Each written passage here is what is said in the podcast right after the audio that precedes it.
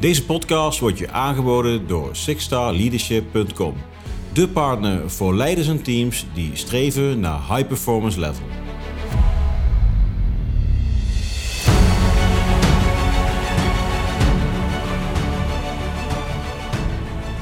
Welkom bij de derde aflevering van de Six Star Leadership Podcast.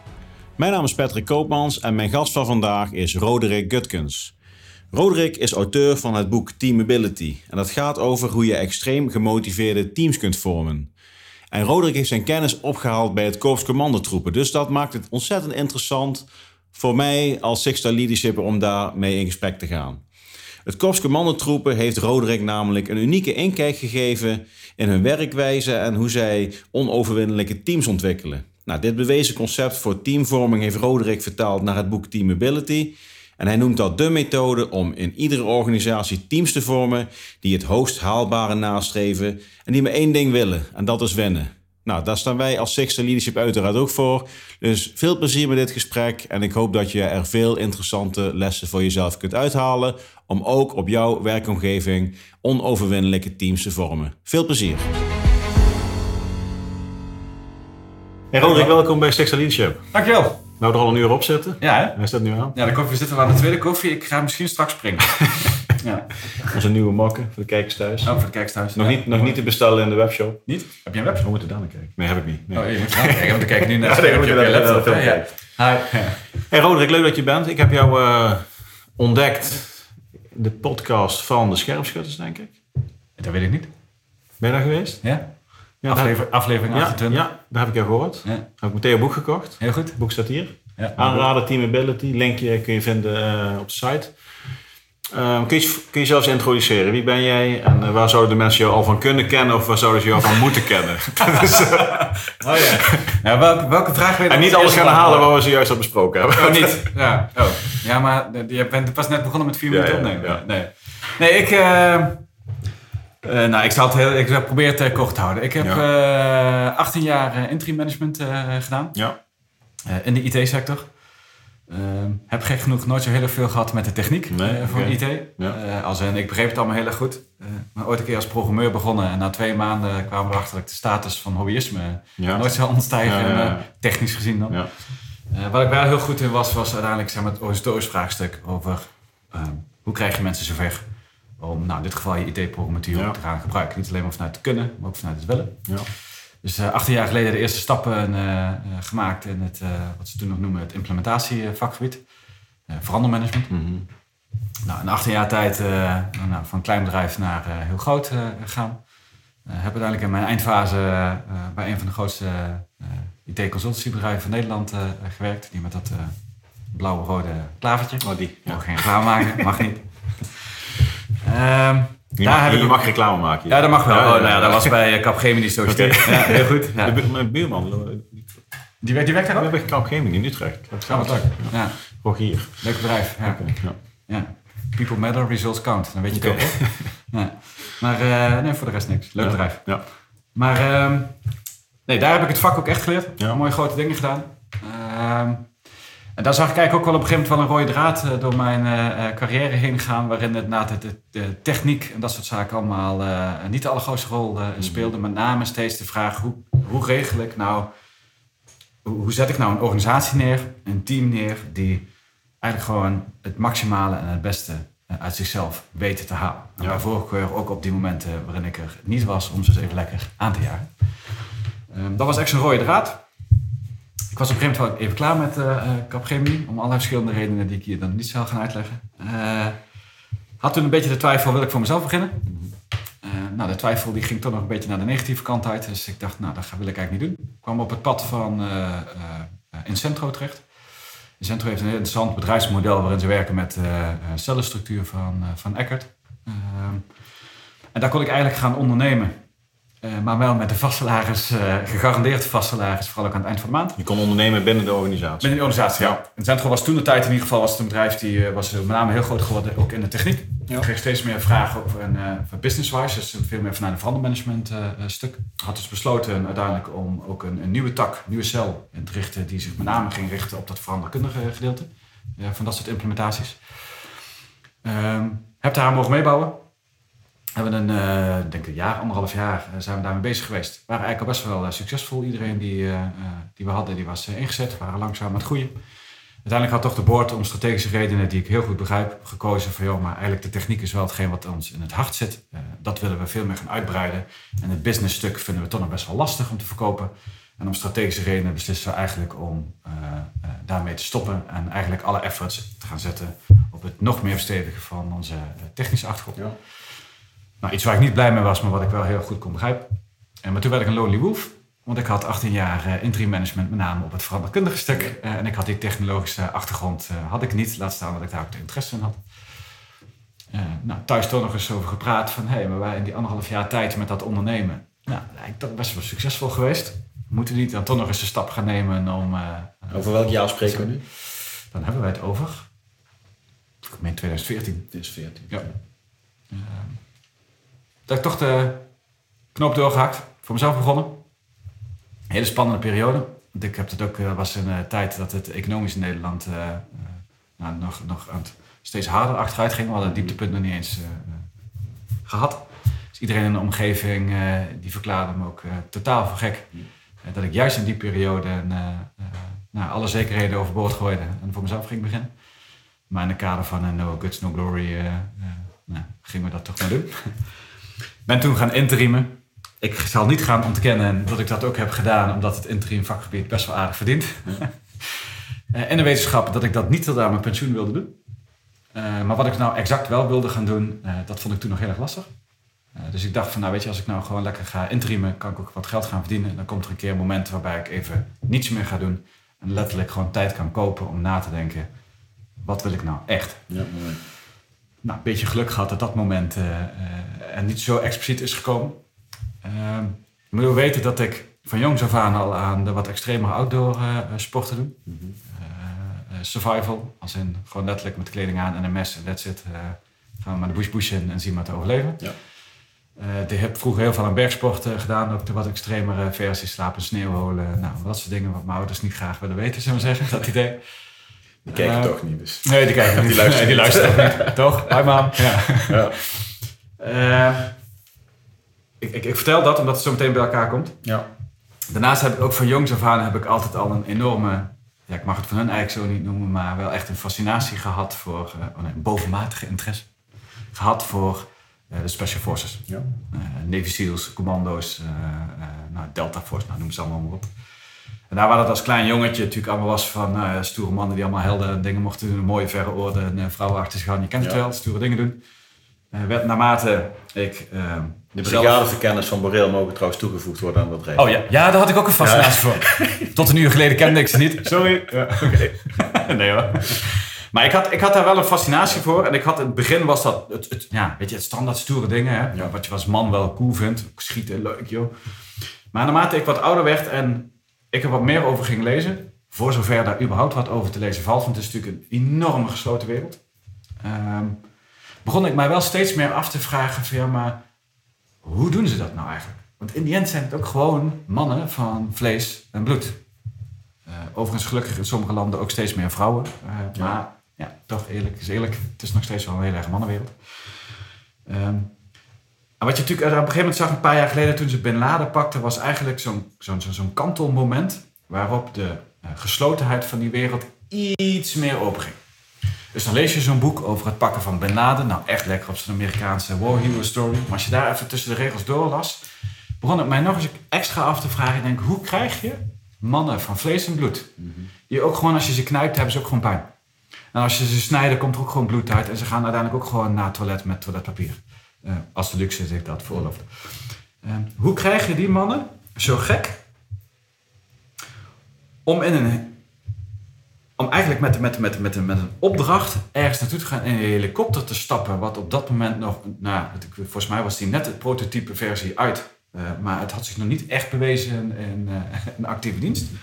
Dus in zo'n ijzeren ding te gaan stappen, te vliegen naar een land waar ze je liever tussen zes plankjes terug naar huis zien gaan uh, dan dat ze je het verhaal willen laten navertellen. Naar een compound waarvan we met enige zekerheid weten dat daar een hele belangrijke uh, target zit, waarvan ze overigens pas tot een uur van tevoren te horen kregen wie die target eigenlijk was. Dus ook zoiets fijns. Hoe train je dat dan? Die mensen kiezen daarvoor om daar eigenlijk de enige zekerheid die ze hadden was de weg tot aan de voordeur. En alles wat daarachter zat was één grote vage bende. Ja. En dat vond ik, dat, dat was uiteindelijk een definitieve prikkel. Dat vond ik zo fascinerend dat ik denk van, en hoe doen ze dat dan nu? Want dit doen ze al, dit soort type operaties doen ze al jaren. Dus het is niet iets oh, nieuw, leuk. Dit doen ze al jaren. Hoe doen ze dat nu? Hoe krijgen ze dat teamwork zo voor elkaar dat deze mannen met een blind vertrouwen daar naartoe gaan en zo'n missie ook nog tot een succes maken? En dat is dan zo Bin Laden, dat, dat, dat kennen we dan als dat verhaal. Maar zo zijn er nog wat tig andere van dat soort type missies geweest die wij in de civiele wereld Ja. niet kennen. Nee. Die natuurlijk ook af en toe wel schuwelijk misgaan, maar die ook goed gaan. Dat vond ik fascinerend. En dus ging ik nog meer lezen. Maar ook vanuit een hele andere blik ging ik lezen, lezen, lezen. Eh, nou, dan krijg je allemaal de artikeltjes. Eh, af en toe een keer eh, komen ze van die Navy SEALs vooral. Daar zijn we heel goed in. Die gaan dan op Forbes schrijven. Dus nou, dan komt er nog eens een keer wat, nog wat leuke details. Je ziet nog meer van dat soort artikeltjes. In die end zijn eigenlijk zo'n beetje alle boeken die over die wereld uitkomen... is van Clint Eastwood gehaald. En toch ging ik op een gegeven moment Connecting Dots doen. En nu komt het bij elkaar. Totdat ik in 2015, of 16, nee maar niet uit. 2015 ergens kocht ik een boek. First, Fast and Fearless van een Navy SEAL genaamd Ed Heiner. En Ed Heiner is zo'n echte traditionele American war hero. First fast. First, Fast and Fearless. Ja. En dat was een boek geschreven door een Navy SEAL. eh, die als officier had gediend in Irak. Ten tijde van de Irak-oorlog. Ehm, als pointman. En voor degene die niet weet wat dat is. Dat is degene die voorop loopt in zijn team. Ook vooral als er geschoten wordt en je toch vooruit moet. Dus, nou, als je het heel plat wil uitdrukken. Dat is de eerste die het lood ontvangt. Eh, maar dat is ook wel degene die een hele hoge mate van verantwoordelijkheid heeft. Als het gaat om het sturen van het team. Als er zo'n gevecht ontstaat. Van welke kant moeten we opgaan. Daarnaast ook nog officier. Dus hij was niet alleen degene die het plan verzon, maar ook nog zijn team voorop leidde eh, in, in het gevecht. Nou, hoe mooi American True Hero kun je het hebben. Nou, hij heeft een boek geschreven, First Fast and Fearless, die voor het eerst het defensiesausje er vanaf haalde. Voor zover dat kan voor iemand die 25 jaar daar heeft rondgelopen. Eh, maar eigenlijk terug naar de kern ging van, wat is nou het teamwork en leiderschap bij ons? En waar bestaat dat uit? Het is ook een boek die relatief weinig wordt geladeerd met allerlei war stories. Eh, dus als je het daarvoor wil lezen, nou, doe maar niet. Dit was echt gewoon terug naar de kern. Hoe ontwikkelen zij teamwork en leiderschap? En toen vielen bij mij een hele hoop kwartjes. En toen ontstond er ook een idee dat ik dacht van... Goh, dat hele agile scrum werken en weet ik hoe we het allemaal willen noemen... flexibel en wendbaar zijn in de civiele wereld... draait ook om de vraag van hoe kan ik mij constant aanpassen... aan veranderende omstandigheden. Want in de kern is dat hetgeen wat deze teams en deze organisaties constant doen is constant bezig zijn met vanuit een bepaalde solide basis zich elke keer opnieuw aanpassen aan de situatie. En daar dus ook mee om kunnen gaan. Dus waarom was zo'n Bin Laden missie nou zo succesvol?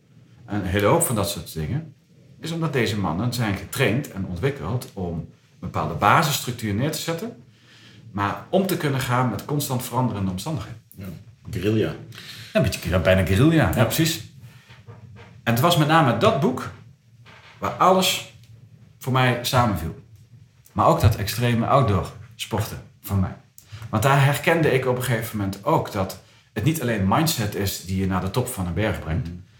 Of die in een sneeuwhol laat slapen en de volgende ochtend toch nog redelijk opgewekt eh, laat opstaan.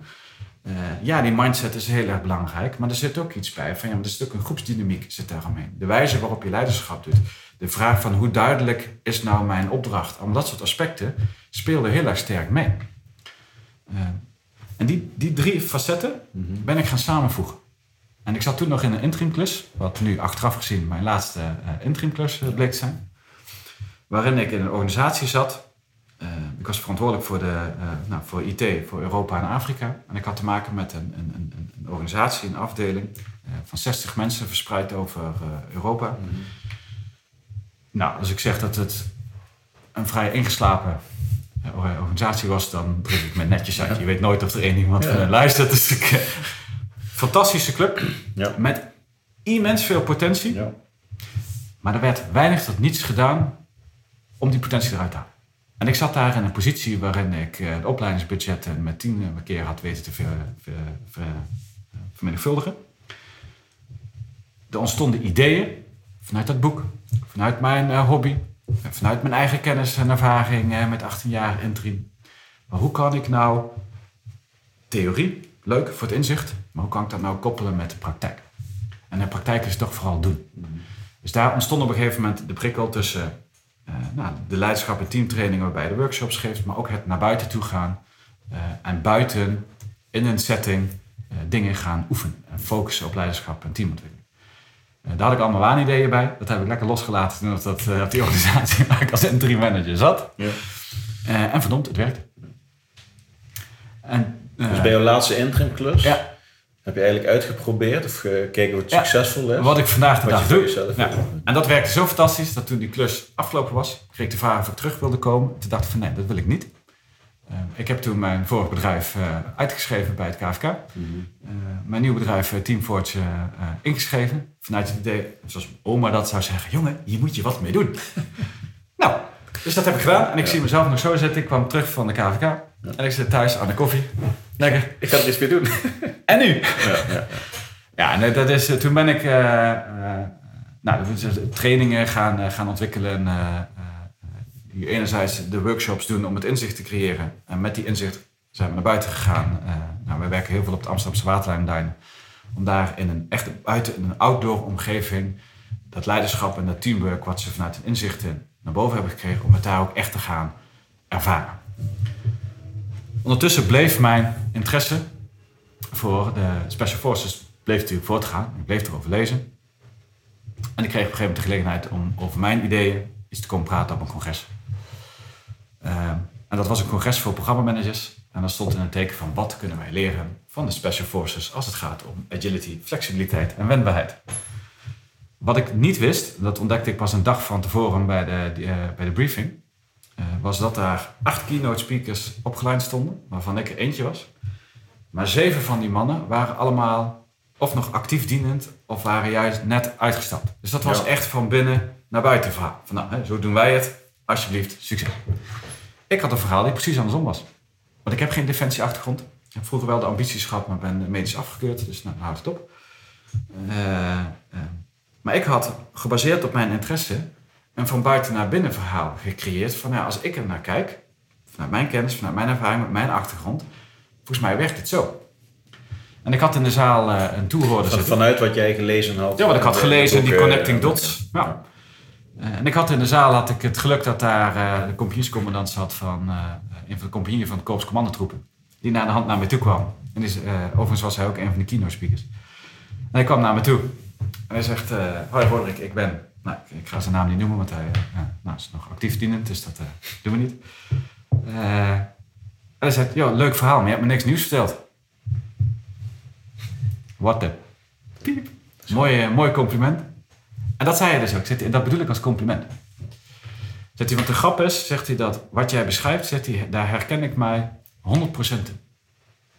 Zegt hij, en sterker nog, ik vind het eigenlijk wel gaaf dat ik dit verhaal een keer heb gehoord. Want ik heb er zelf op die manier zo nooit naar gekeken. Zegt hij, sterker nog, eigenlijk na de opleiding kijken wij eigenlijk nauwelijks tot niet meer heel expliciet naar onze teamwork. We oefenen heel veel. Er komen allemaal facetten als leiderschap en teamwork, komen natuurlijk allemaal om de hoek kijken. Zegt hij, maar wij staan eigenlijk nooit heel expliciet stil bij onze vorm van teamdynamiek. En dat is de start geweest eigenlijk van een, eh, een, een, een, nou, een heel actief contact met de Korps Commandotroepen. Ja. Uh, we hebben met, zijn, uiteindelijk met de staf van zijn uh, compagnie hebben we ook een team tweedaags uh, georganiseerd. Waarbij we heel expliciet zijn gaan stilstaan bij hun vorm van teamwork. voor hun ook als onderdeel. Ze moesten, een paar maanden later moesten zij, hadden ze paraatheidsdienst. Ze moeten een jaar lang nou, moeten ze binnen 24 uur aan de andere kant van de wereld zijn. Eh, dus alles wat, wat hij maar kon inzetten om zijn team voor te bereiden en klaar te stomen, dat wilde hij gebruiken. Dus we hebben twee dagen nou, dat soort type trainingen met hun gedaan. Ja, dat was fantastisch. Ja. En daar ontstond een vertrouwensband. Ja, en van daaruit kreeg ik steeds meer inzicht in ja, hoe, het, hoe het zeg maar echt werkt. Nou, daar kwam ik ook steeds meer achter dat ik qua ideeën over hoe ik er naar keek, eigenlijk de plank nog helemaal niet zo aan het, aan het misslaan was. Als je percentage mag geven, hoe, hoe, hoe, hoe dicht zat je bij de werkelijkheid?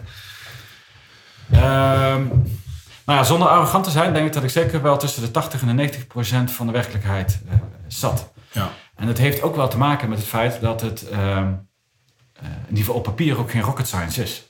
Ja. De praktijk is natuurlijk een stuk weer bastiger. maar de, de, de grap waar ik op een gegeven moment ook wel achter kwam, was dat zij.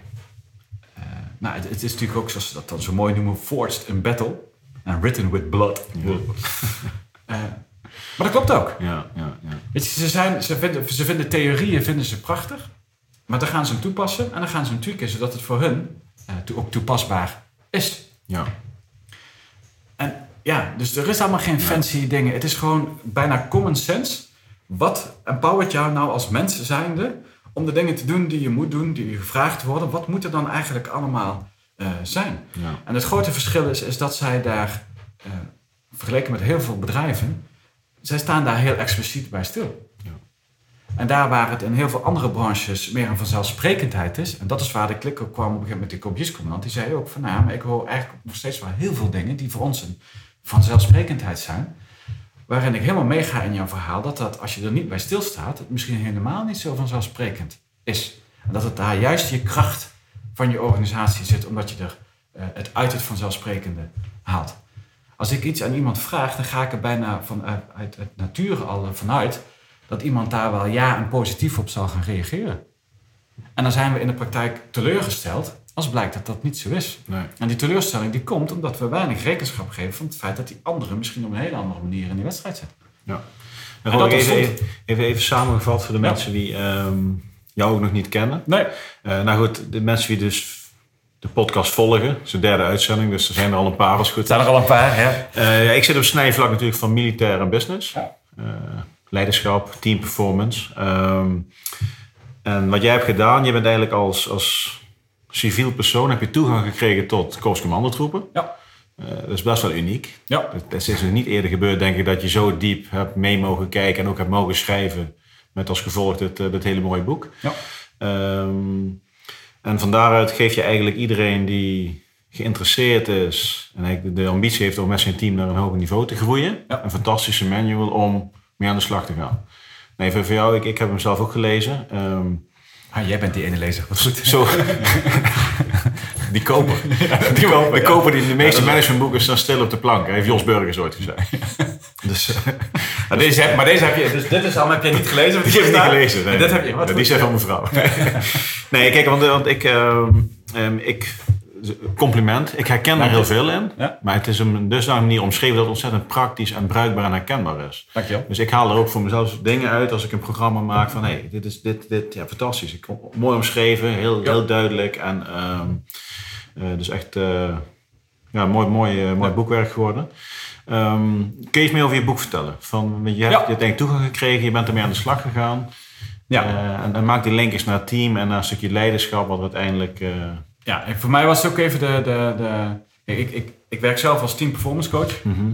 Eh, waar we met name kijken naar nou, gewoon de effectiviteit van het team in relatie tot wat ze moeten bereiken. Eh, met die blik kwam ik ook bij het Korps Commandotroepen om op die manier ook van hun te kunnen leren. Ja, Net terug ook naar zo'n verhaal als Allah Bin Laden. Nou, dat soort type operaties, die krijg je niet voor elkaar als je geen... wanneer, kwam idee- wanneer kwam het idee voor het boek? Was het voordat je het contact al had of was dat later? Ja, nee, het, uiteindelijk, uiteindelijk het, het idee van het boek is al van drie jaar geleden.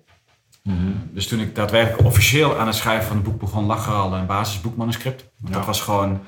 ehm, ja, ik had op een gegeven moment gewoon een dump gemaakt van wat ik allemaal in mijn hoofd had zitten. En op een gegeven moment ga je dat ook wat structureren om nog enigszins eh, houvast eraan te hebben, ook aan je eigen schrijfsels. Dus daar lag een basisboekmanuscript, lag er eigenlijk al. Eh, die ik in de gesprekken uiteindelijk met het KCT ook wel wat een toetsen was. Ja. Zonder meteen eh, het plan te hebben om een boek te schrijven. Want dat, in de beginperiode was dat ook nog helemaal niet eh, eh, mijn doel. Mijn doel was met name van ik heb die ideeën van wat maakt een team nou effectief. Eh, dat leer ik van jullie. En voor mij was ook de toetsing en het verder aanvullen en aanscherpen en verbeteren van die ideeën.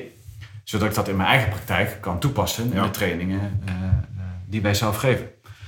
Ehm, dus uit die, uit, uit, uit die invalshoek mocht ik ook mee gaan doen vanuit de Korps Commandotroepen eh, met de kennismakingsdagen. Nou, ik zei het straks al uh, grappig dat ik er nog steeds eh, spierpijn van heb.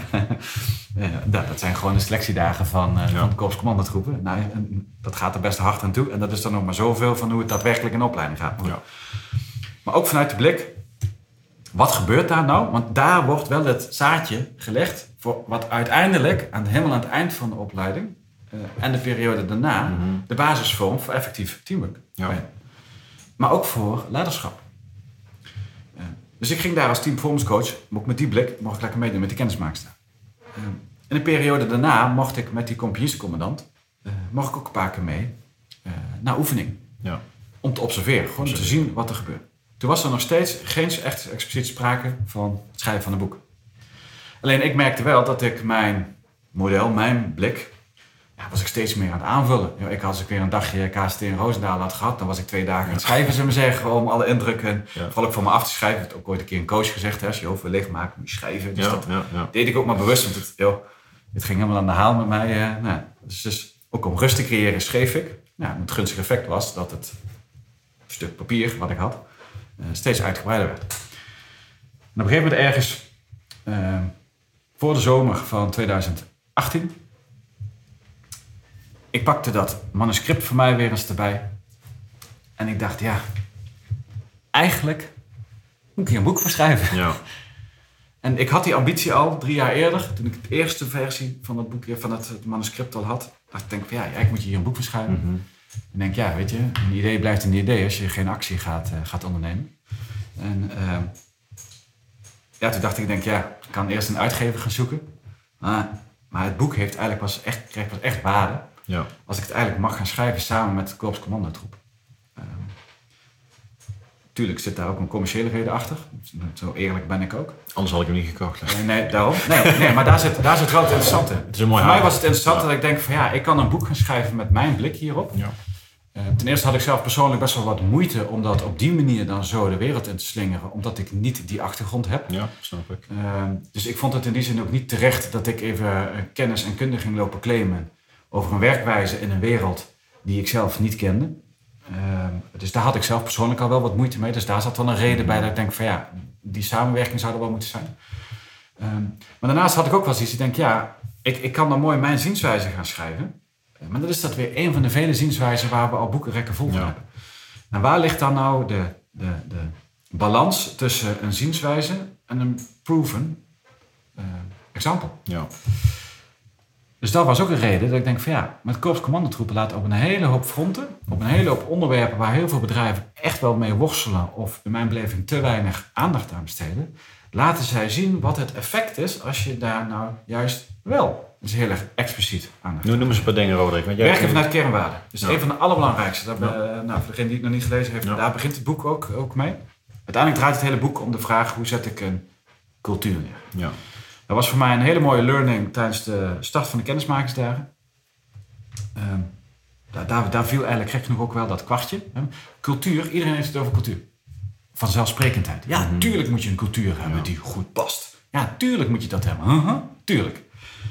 Je hebt cultuur. Je hebt cultuur. Daar hoef je niks voor te doen. Juist. Dag 1 Mhm. van de kennismakingsdagen. Je moet, eh, eh, je, moet, je moet met de trein naar Roosendaal komen. Je wordt opgepikt op het station. Dus je staat op een gegeven moment, je stapt uit. En je, er wordt ergens afgesproken bij een bepaald bord op eh, perron, eh, weet ik hoeveel. En daar staan in één keer staan, ehm, eh, 60 mensen. Mannen en vrouwen, by the way. Ja. In, in de lichting waarin ik mee mocht. Er waren ook vrouwen bij. Ehm, die staan daar. Die komen van heinde en ver. Op een enkeling na is er niemand die elkaar kent. 60 man. Nou, dan komt er zo'n commando. En die vraagt je vriendelijk. Vier ton te gaan. Nou, nee, eerst om naar de. Dat is, nou, dat is, dat is dus wel grappig. Die vraagt je om naar eh, de parkeerplaats te komen, Ja. waar dus inderdaad de vier tonners eh, staan. En ze gaan eerst afvinken. Wie is er, wie is er niet. Dan ontstaat daar, daar eigenlijk op dat moment met 60 wildvreemden, daar ontstaat al iets. Ja. Die mensen gaan met elkaar praten. Ehm, het moest afgevinkt worden. 60 man, stonden twee commando's met een lijstje. Waarvan er nog eentje was die uiteindelijk het definitieve vinkje van aanwezig zette. Dus ja, je kunt met 60 man naar zo'n commando toe gaan. Daar ga je niet werken. Dus er ontstond als vanzelf een procesje, een procedure. Hoe gaan we dat afvinken? Nou, jij weet vanuit je eigen ervaring dat zo'n viertonner, als je daar moet instappen, dat is een hel. Ehm, En ook nog voor de fun. Je wordt ook nog gevraagd om een tas mee te nemen met reserveonderbroek en sokken en dat soort spullen. Maar dus iedereen heeft natuurlijk een tas, een weekendtas voor met het idee van, nou weet je, luchtbedje erin, dat soort Nee, grapje. Maar nou, die heeft de tas in ieder geval wel bij zich. Ja. Die krijg je niet zomaar die vier ton nog ingemengd. Nee. Dus ook daar zie je op een gegeven moment, nou, er zijn een paar mensen die proberen dat. Werkt voor gemeten, dus er staat iemand op, die heeft een goed idee. Ja. Die legt het uit en het begint. Dus we gaan communiceren met elkaar, we hebben een proces, proceduurtje. Er staat iemand op, dus er ontstaat ook al iets van leiderschap. En het werkte voor geen meter. Maar het ontstond wel. Dat is in een nutshell, dus natuurlijk nog wat andere termen, maar lees daarvoor even het boek. En dat is wel wat cultuur is. Cultuur is uiteindelijk de, de, de, ja, een samenraapsel van dingen als hiërarchie, communicatie, processen, procedures, eh, afspraken die je met elkaar maakt. eh, nou, noem het allemaal maar op. Dat is wat uiteindelijk jouw cultuur maakt. Maar nu kwam die. De vraag of die cultuur die daar ontstaat past bij de aard van de werkzaamheden, dat is een heel andere vraag. Ja. En dat vond ik een hele boeiende. Want toen bedacht ik mij, ik denk, ja, zet dus een groep mensen bij elkaar, creëer een omgeving waarin mensen bij elkaar komen en cultuur ontstaat er vanzelf. Hoef je inderdaad niets aan te doen. Mooi toch? Alleen de vraag of het effectief is wat daar ontstaat, dat is een heel ander verhaal. Als iedereen daar elkaar de huid gaat lopen volschelden met allemaal terminologieën die je kind niet wil aanleren, ja, dat is ook communiceren, laten we eerlijk wezen. Maar de vraag of dat ervoor zorgt dat mensen het ook fijn vinden en dat ze dus ook gaan doen en gaan vlammen eh, in relatie tot wat je wil dat ze gaan doen, dat is een heel ander verhaal. Ja. En dat vond ik een, een hele mooie eye-opening. Voor mijzelf ook. Dat was ook eigenlijk wel de missing link nog uiteindelijk in mijn eh, eh, eigen boekmanuscript. Dus ik denk, ja, daar zit nou uiteindelijk de link. Want dat is allemaal hartstikke leuk dat je dat gaat eh, bedenken. Want in de gesprekken die daarna kwamen, toen ik het daar met de compagniescommandant over had, toen kwamen ze op een gegeven moment ook aan en ze zeiden van ja, en dat is nou exact de reden waarom dat wij dus, eh, wij werken aan een cultuur die past bij de aard van onze werkzaamheden. En daar hoort houding en gedrag bij. Dus dit is de eerste, eh, eh, bij, nou, de eerste twee jaar van de opleiding van zo'n operator staat er ook, even heel zwart-wit gesteld, niet eens zo heel sterk in het teken van leren schieten, bommetjes leggen en de deur opblazen. Zit hij, daar draait het om de vraag, pas jij bij onze cultuur? En dat moet je wel meetbaar maken. Dus wij hebben ook in zo'n groep ontstaan per definitie kernwaardes. Ja. En kernwaarden zegt niks over wat je doet, maar zegt alles over hoe je met elkaar omgaat. Ja. Dat maar ook daarvoor geldt, die kernwaarden ontstaan vanzelf, hoef je niks aan te doen. En toch is wel weer de vraag, zijn dan de kernwaarden die in zo'n groep ontstaan, past dat dan in relatie tot de aard van de werkzaamheden die je moet doen? Weet je, het is leuk dat een operator heel erg eh, vredelievend is. En dat je dat als kernwaarde kunt hebben, vredelievendheid. Er zijn genoeg bedrijven die dat hebben. Eh, maar de vraag is, is, is dat dan een kernwaarde wat helpt op het moment dat ik in de heat of the moment toch die trekker over moet gaan? Ja. Ja. Dus zij zijn op een gegeven moment, jaren geleden, ook eens heel expliciet gaan kijken van ja, wat voor kernwaarden hebben we nou eigenlijk? En welke kernwaarden zouden we eigenlijk moeten hebben? En moeten we dus ook op gaan selecteren. En op gaan eh, werken en op gaan ontwikkelen. En daar hebben zij vijf kernwaarden uit ontwikkeld. Eh, en nu, nu, nu komt het grote verschil met menig bedrijf. Want veel bedrijven hebben hun kernwaarden vaak ook wel scherp. Alleen wat het Korps Commandotroep ook gedaan heeft, is dat ze die kernwaarden, trots, eer, allemaal dat soort dingen, hebben ze ook heel expliciet vertaald naar houding en gedrag, kenmerken. En dat kun je toetsen. Ja. Dat kun je zien. Dus vanaf het moment dat je uit de trein stapt, kunnen zij dus al zien, op basis van het hele expliciete houding en gedrag, passen deze mannen en vrouwen, passen die Ja. binnen onze cultuur? Gaat er een culture fit ontstaan? En eh, dat is het startpunt bij hen. Ja, dan hebben ze de kennismakingsdagen plus de opleiding die ervoor zorgt dat die culture fit er eh, of heel expliciet uitkomt. Ja. En culture fit bij hen wordt ook wel vertaald als van nou, het, of je past meteen al, of het is te ontwikkelen, omdat je het nog niet helemaal door hebt ontwikkeld bij wijze van. Ja. Maar wat ze, natuurlijk- wat, ze- waar ze met name naar op zoek zijn, is van zitten er elementen in die ons straks in de weg gaan staan? Die er niet bij passen. Als jij dus vredelievend hoog in het verhaal hebt staan, je moet die trekker ophalen, Ja. ga je dat dan straks ook doen. Ja. Dus een vorm van agressiviteit moet er wel in staan. Maar niet het bottenlompen rammen eh, zodra je de kans hebt. Nee. Ja. Dus er wel overwogen jezelf de vraag stellen van... Hey, loop ik om het geweldsdelict heen om te voorkomen dat ik het escaleer? Of heb ik geen andere keus? Ja. En daar starten ze dan mee. Dus op dat moment begint ook de, de, de vorming van de gedragingen Dan begint ja, om uiteindelijk te komen een tot... cultuur, om een cultuur, uiteindelijk een cultuur neer te kunnen zetten... die past bij de aard van de werkzaamheden. Ja, nee, van het bedrijfsleven Roderick, als, Ja. als ik uit ervaring spreek. Je hebt een onboarding training. Oh nee, we hebben eerst een sollicitatieproces. Dan gaan Ja. we ons bedrijf verkopen, hoe leuk het allemaal is. Ja, Dan gaan we de onboarding in. Daar moet het vooral ook heel erg sociaal, fun, ja. open leuk zijn. en eerlijk zijn. Dan kom je bij je afdeling. En dan begint het weer. dan zeggen we, ja nee, we starten om 9 uur. Ja. Je mag dan en dan pissen. Snap je? Lunchen doen we niet aan het bureau. Ja. En je mag pas gaan als het moment dat ik het zeg. Nou, dit is wat in de praktijk is. Wel heel zwart-wit, maar dit is wel wat... Niet bij alle bedrijven Dit is, dit, maar is, is... maar eh, dit, is, dit is wel wat heel vaak gebeurt. Dus wat, je, wat je ziet ook vanuit die kernwaarden, is dat heel veel bedrijven die stellen hun kernwaarden op. Maar heel vaak is het niet heel veel meer dan gewoon een onderdeel van je recruitment en marketingstuk. Hm. En vaak zijn het dan ook kernwaarden, waar die zijn samengesteld vanuit het idee van zo willen wij graag dat de buitenwereld naar ons kijkt.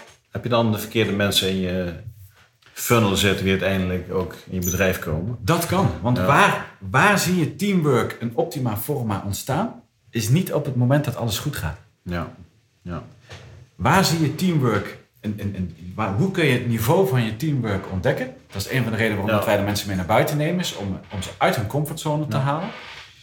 De, de, de, de, de, het niveau van jouw teamwork zie je heel duidelijk op het moment dat er stress en druk en dat soort ellende op je afkomt. ja. Want hoe gaan mensen zich dan gedragen? Dat heeft niets te maken met Binnen, dat, inhoudelijke binnen skills. dat team dan? Binnen dat team, ja. Dat heeft niks te maken met inhoudelijke skills. Als ik een, een softwareontwikkelteam heb, ze kunnen ongetwijfeld allemaal hartstikke goed programmeren. En zo niet, stuur ik ze naar een cursus, leren ze een taal. Ja. Laat ze daar een beetje mee oefenen en ze kunnen het. ja. Lees bij KCT, leren schieten kan iedereen. Skills. Ja, dat zijn de hard skills. Dat kan iedereen. Afhankelijk van de hoeveelheid tijd die je hebt. Maar in die end kom je op een punt uit, iedereen kan leren schieten. Als jij met zes man een kamertje moet gaan sweepen, met live, AMO, en je moet dan, dan, dan is het goed, fijn dat je kan schieten, Ja. maar bij voorkeur wel op een manier dat je niet je eigen teammaten eh, eh, onderuit loopt te schoffelen, zullen we Ja. zeggen. Nou, dat is bij, eh, in een softwareontwikkelteam of in een salesteam is dat precies hetzelfde. Daar komt dan op een gegeven moment niet jouw inhoudelijke skills kijken, daar komt houding en gedrag bij kijken. Hoe ben jij aan het communiceren? Is onze communicatie effectief? Wat voor leiderschap zit daar overheen? Hoe effectief is die? Dat is die heel directief of biedt die heel veel ruimte? Heeft niks te maken met inhoudelijke skills. Heeft te maken met hoe stel jij je op ten opzichte van de ander en de rest van je team. Hoe ga je om met de opdracht en de voorbereiding? Dat- Precies, dat ja. ja. En dat was eigenlijk wat, wat ik, wat ik dus nou, in die kennismakingsdagen was het met name dat cultuurstuk en die kernwaarden, dat houding en gedrag. Ook al vanuit een selectiestuk. En, dat, en dat, dat, dat kwartje wat viel vanuit de culture fit, die vanaf dag één al wordt gezocht en daarna verder wordt uitontwikkeld. En, maar dat is dus ook wat het selectieproces dus ook inhoudt. Is dus niet van, oh ja, ben je een goede schutter? Nee, is er een culture fit. Pas jij straks binnen de cultuur die wij hier met elkaar willen hebben, in relatie tot de aard van onze werkzaamheden. Dus er wordt nog niks aan skills gedaan eigenlijk? Tot, tot wanneer begint het skillstuk? Op het moment dat iemand zeg maar, de cultural fit heeft aangetoond? Ja, ik moet je eh, bekennen dat ik ben niet helemaal thuis in de daadwerkelijke inhoud van de, van de opleidingen. Ja, dat, houden ze natuurlijk nog wel beschermd, dat snap ik ook. Maar als ik me niet vergis, maar ik kan me vergissen. Als ik me niet vergis, je hebt, je hebt, je hebt de kennismakingsdagen. Dan heb je bij hun de ECO, dus de elementaire commandoopleiding. Nou, dat, dat is, eigenlijk is dat... eh, nou, dat- daar, daar start eigenlijk wel al zeg maar, het houding- en gedragsstuk. eh, maar er zit ook nog wel een klein stukje selectie eh, zit daarin. Ja. Daarna krijg je de voortgezette commandoopleiding. Volgens mij in de voortgezette commandoopleiding krijg je de eerste basiskills van het daadwerkelijk operator zijn zoals we dat vandaag de dag kennen. Volgens mij in de ECO krijg je ook nog wel wat, wat basisdingen als survival skills. Maar die staan nog, nog nou, ik zou nu zeggen, helemaal los van het operator zijn. Eh, maar het echte leren schieten en, en, en bommen leggen en alles wat erbij Ja. komt kijken bij een, een werkzaamheden. Volgens mij begint dat pas vanaf de voortgezette commandoopleiding. Dus volgens Ja, mij vanaf dat punt ja, dat denk ik ja. eh, ga je ook voor jezelf een, een keus maken van wat voor expertise wil ik. Wil ik richting de medic, wil ik richting de sniper of wil ik richting de communicatie? eh, ja, dat klopt denk ik inderdaad. Dus, dus daar, maar daar pas begint dus de inhoudelijke kennis. Alles wat daarvoor zit, heeft primair als doel om te kijken, ben je wel een geschikte vent? Ja. Of vrouw? Ben jij uit het juiste hout gesneden? Kan ik met jou samen straks, blind vertrouwend, een missie en operatie gaan Eigenlijk heel logisch. Ja, is het ook? Je, je hebt meerdere interim opdrachten in veel Ja. bedrijven gezien van binnen. Ja. Ehm, daar gaat dat niet zo. Nee. Waarom niet? Als, Nou, het, zo vaak- als het zo logisch is. Ja, nou ja, het, het, het, Tijd, geld. Het eh, merendeel, ja, het merendeel van, van de proble- problemen die bedrijven kennen, heeft niks te maken met de inhoudelijke skills die de mensen die daar werken met zich meebrengen. De, de, de, de kracht van de inhoud zit vaak is al over aanwezig binnen elk bedrijf. Dus dat is het issue niet. Het issue wat vaak ontstaat heeft te maken met de wijze waarop we met elkaar omgaan. Ja. En dat is cultuur. Ja. En dat vond ik wel, eh, eh, nou, wat ik ook een paar keer zei, dat, dat, dat was een kwartje wat echt viel bij mij vanuit die kennismakingsdagen stuk. Ehm, maar wat ik op een gegeven moment ook wel heel duidelijk zag bij het observeren van de oefeningen. En dat werd natuurlijk helemaal interessant toen ik eenmaal toch die brutale vraag had gesteld aan die compagniescommandant. Van Mhm. goh, ik heb wat dingen opgeschreven. Ja, staan jullie ervoor open om een boek te schrijven? Ja, ja dat is... Nou, die, deze compagniescommandant niet. Nee? Die was niet meteen, durf, hoe durf je dat te vragen? Nee, nee. Dit was een compagniescommandant die redelijk progressief van... uh, Het zijn ook gewoon mensen. Ja, het zijn net mensen. Ja. Ja. het is heel apart, het zijn net mensen. Ja. Ja. Maar, die, die, nee, maar hij, was, hij was niet meteen door van, nee, willen we niet. Nee. Hij, hij was wel heel open en eerlijk. Hij zei, zegt hij, ik zie dit wel gebeuren. Maar ik wil bijvoorbeeld wel alvast vertellen dat het waarschijnlijk niet zonder slag of stoot zal gaan. Eh zegt hij, want ja, zegt hij, je, bent- een buitenstaander in een wereld die wel ook drijft op dat stuk geslotenheid. Dat, dat is niet alleen maar omdat ze dat leuk vinden en omdat het mystiek is, maar het is ook noodzakelijk voor hun werk. Weet je, als alles en iedereen maar zou weten wat zij exact allemaal zouden doen, zouden ze niet zo effectief kunnen zijn. Maar is het niet zo dat alle bedrijven dan wel eenheden, noem ik het even bedrijven die Ja. in hun vakgebied erg goed zijn, dat je niet zomaar eventjes in de keuken mag kijken hoe het werkt? Nee, want daar zitten, daar zitten nou, in het bedrijfsleven bedoel je dat natuurlijk het concurrentievoordeel. Als jij naar Tim Cook een appje stuurt, zal ik niet zeggen, kom maar een boek schrijven. Nee, nee dus, dus, dus, ik, dus die begreep ik, die begreep Ja. ik ook wel. Maar hij zei ook wel, zegt hij, van, ja, zegt hij, het is natuurlijk wel een defensieapparaat die ook wel in eh, het stuk geslotenheid komt niet alleen maar voort vanuit de functie. Ja. Het komt ook voort vanuit trotsheid. En weet dat ook defensie breed ook gewoon, eh, ja, weet je, of we je nou mogen of niet, of je nou vertrouwen of niet, maar de bottom line is, je bent toch een buitenstaander. Ja. Hij, eh, je hebt niet naast ons gestaan in het schuttersputje bij van. Zegt hij dus, dus weet dat dat dus best wel moeilijk kan gaan worden om het vertrouwen te krijgen. eh, dat mensen zich ook wel open gaan stellen. En dat je dus ook voldoende input gaat krijgen voor je boek. Ehm, zet hij niet op de laatste plaats. Stap 1 is, de eerste hurdle die we al moeten gaan nemen is de goedkeuring. Ja. Nou, daar heeft hij me heel erg bij geholpen. Dus het moment waarop we eh, eh, de aanvraag ook hebben ingediend bij de korpscommandant, eh, hebben we ook heel zorgvuldig gekozen. Dat, hebben we niet meteen gedaan vanuit het idee van, nou, hier is het. als je- Want ik had natuurlijk, te- toen hij zei van, ja, ik wil er wel mee helpen, had ik natuurlijk een dag later had ik mijn voorstel natuurlijk bij klaar liggen. Want dan ben zo'n beetje ben dan ook. hè, En dan denk ik van, yes, ik heb er eentje, nu gaan we ook even doortrekken, Ja, ja, ja. de hele handel. Maar hij zei meteen van, joh, ik lees het, masseer het een beetje in. En ik ga je wel helpen dat op het moment dat we het doorstoten, Ja. dat het dan ook een grote kans van slagen heeft. Want één ding is natuurlijk de andere kant natuurlijk ook wel weer. Zeker vanuit je, even, omdat je die buitenstaander bent. Een nee is straks wel een nee. Dan is het klaar. You've got one shot. Ja. Make it count. Ja. Nou, dus daar was ik natuurlijk heel blij mee. En dat hebben we op een best wel leuke manier gedaan. Eigenlijk, dat moet ik wel toegeven. Eh, we hebben, uiteindelijk heb ik volgens mij in april heb ik, eh, het voorstel eh, naar hem gestuurd. Eh, er was wat wisseling van wacht ook. eh, ook, ook, ook hoger in de, eh, de korpsleiding. Eh, dus dat was allemaal niet zo'n goed moment.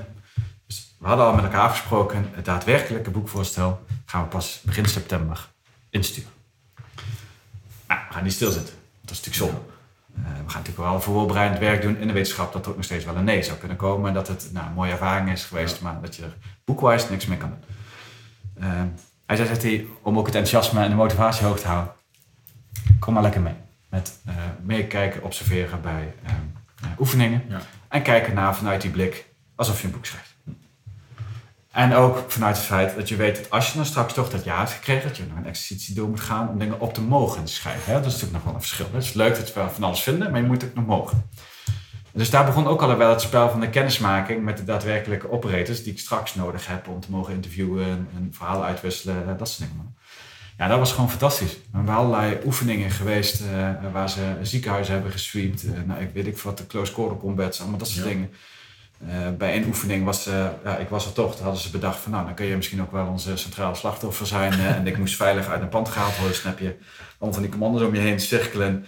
En ja, ik natuurlijk vanuit mijn nieuwsgierigheid 20.000 vragen stellen. Ik kreeg geen enkel antwoord tijdens de oefening. En na de hand gingen ze antwoorden geven. Toen zeiden ze ook letterlijk, ja, je stelde allemaal vragen wat voor ons op dat moment niet relevant is om ons werk te kunnen doen. Dus we laten ons ook niet afleiden door die vragen. Eh, nu wil ik ze beantwoorden. Ja. En ik denk, oh ja, ook al zoiets. Focus, focus. Ja. Ja, heel leuk. Dus dat was nou, prachtig om ook... Ja, dit was wel een beetje... Ook vanuit jou, jou, jou, jou, Ik voelde me Winnie, Winnie de Pooh in de honingpot. Echt, ik, ik, ik was niet alleen maar op de kazerne geweest. Ik mocht ook nog praten met deze mannen. Eh, en ik mocht ook nog bij dat soort oefeningen zijn. Dat was ook het punt waarop voor mij ook wel ehm, eh, eh, dat, dat beeld van waar je ze op een voetstuk plaatst, Mhm. ehm, ook wel aan het verminderen was. En dan bedoelde ik niet respectloos en dat het afbrokkelde, helemaal niet. Maar ik kwam maar tijdens dat soort oefeningen waarbij je mocht observeren en waarbij je after-action reviews was. Ja, daar kwam ook steeds meer het besef, dit zijn gewone mensen. Ja. En dat wist ik van tevoren wel. Heb ik toen straks nog verteld, hè? die gewone mensen die naar zo'n land toe gaan. Ik wist het wel. Dan toch, hè? Hoe? KCT. Het zijn gewoon normale mensen. Die ook zweten. Die het ook zwaar hebben. En die ook op een gegeven moment denken, oh, is de trainingsdag al voorbij? Nee hoor, het is pas vier Ja. uur. Eh, je moet nog minimaal drie Ja, uur. ja. En hoppa, kreeg je weer een immens harde after-action review over je heen gestort. En bij de volgende ronde moest je het gewoon weer gaan herhalen en weer gaan verbeteren. Dat hebben we allemaal kunnen gebruiken. In september eh, het voorstel gedaan. Eh, ja, en eigenlijk gek genoeg, niet eens is zo heel erg spectaculair veel discussie over gehad. En dat kwam omdat ik bij die oefeningen al was geweest. Ja, dus die operators kenden me al een Ja. beetje. We hadden die team tweedaagse gehad met de staf van een van die compiescommandanten. Ehm dat was heel succesvol en naar volle tevredenheid eh, verlopen. We hadden tussendoor al meerdere gesprekken gehad waarin het helemaal niet ging over wie heeft de grootste en de dikste. Maar gewoon eh, op basis van een stuk gelijkwaardigheid gesprekken van goh, hoe zit jij erin, hoe zit ik erin en wat kunnen we van elkaar leren. Dus er was eigenlijk al een bepaalde basis vertrouwensband Ja. tussen mij en eh, het korps, zullen we zeggen, was al ontstaan. Ik had tussendoor had ik al wat eh, links rechts wat artikeltjes geschreven. Eh, die had ik ook naar hen opgestuurd. eh, om te laten checken. Ook met de basis van hun feedback ook weer aanpassingen gedaan. Het waren ook artikelen die niet allemaal van die mooie Clint Eastwood-achtige dingen, maar gewoon nou, vanuit een Hoe jij het zag. een team performance coach Ja. bril kijken naar van hoe doen ze dat nu en hoe kunnen wij dat nou, eh, nou gebruiken. Dus in september eh, 2018 eh, eh, kreeg ik het akkoord. En toen begon het hele schrijfproces. Ja. We hebben allerlei interviews gehad met, ja, met, met, met, met allemaal kleine eenheden vanuit verschillende compagnieën. Ik heb nog twee dagen met een paar mannen in Vught gezeten om, eh, om ze daar helemaal door te zagen. En ja, dat, dat, dat was eigenlijk met name ook het verder uitbreiden en, en verstevigen van een boekmanuscript wat in de basis drie jaar eerder al, eh, al was Ja. ontstaan. Dus helemaal terug naar die vraag met die 80, 90 procent.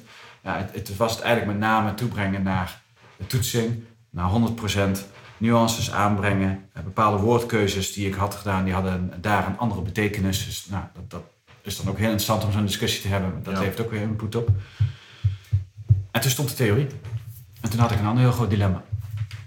Eh, want ik had vanuit. eh, eh, ik, ik, had, ik, had, ik had twee, twee dilemma's eigenlijk. Wat ik heel duidelijk wilde maken was dat dat cultuur en die kernwaardenstuk. dat is fantastisch. Moet je doen. Maar in die end is het de papieren waarheid. Want de praktijk is een stuk weer bastiger. In de praktijk gebeuren elke dag opnieuw dingen die die utopie van die kernwaardes en die gewenste cultuur gewoon in de weg staan. Mhm. En in mijn boekmanuscript had ik dat wel allemaal al beschreven, maar ik vond het er nog niet zo heel erg scherp eh, uitkomen. Eh, en dat is eigenlijk dat ik, dat is het moment geweest van waaruit ik ook ben gaan nadenken van, eh, wat staat nou op dagbasis het bouwen aan een goede effectieve cultuur nou daadwerkelijk in weg? En toen merkte ik ook dat ook bij de commando's, als zij op missie of op operatie gaan, dat er bepaalde stramines zijn waar ze heel nadrukkelijk naar kijken. En dus ook op, op, op trainen, elke keer weer opnieuw, om die cultuur maar te bouwen en te behouden.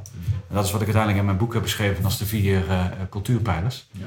Eh, er gaat daar geen commando de poort uit als de opdracht niet duidelijk is.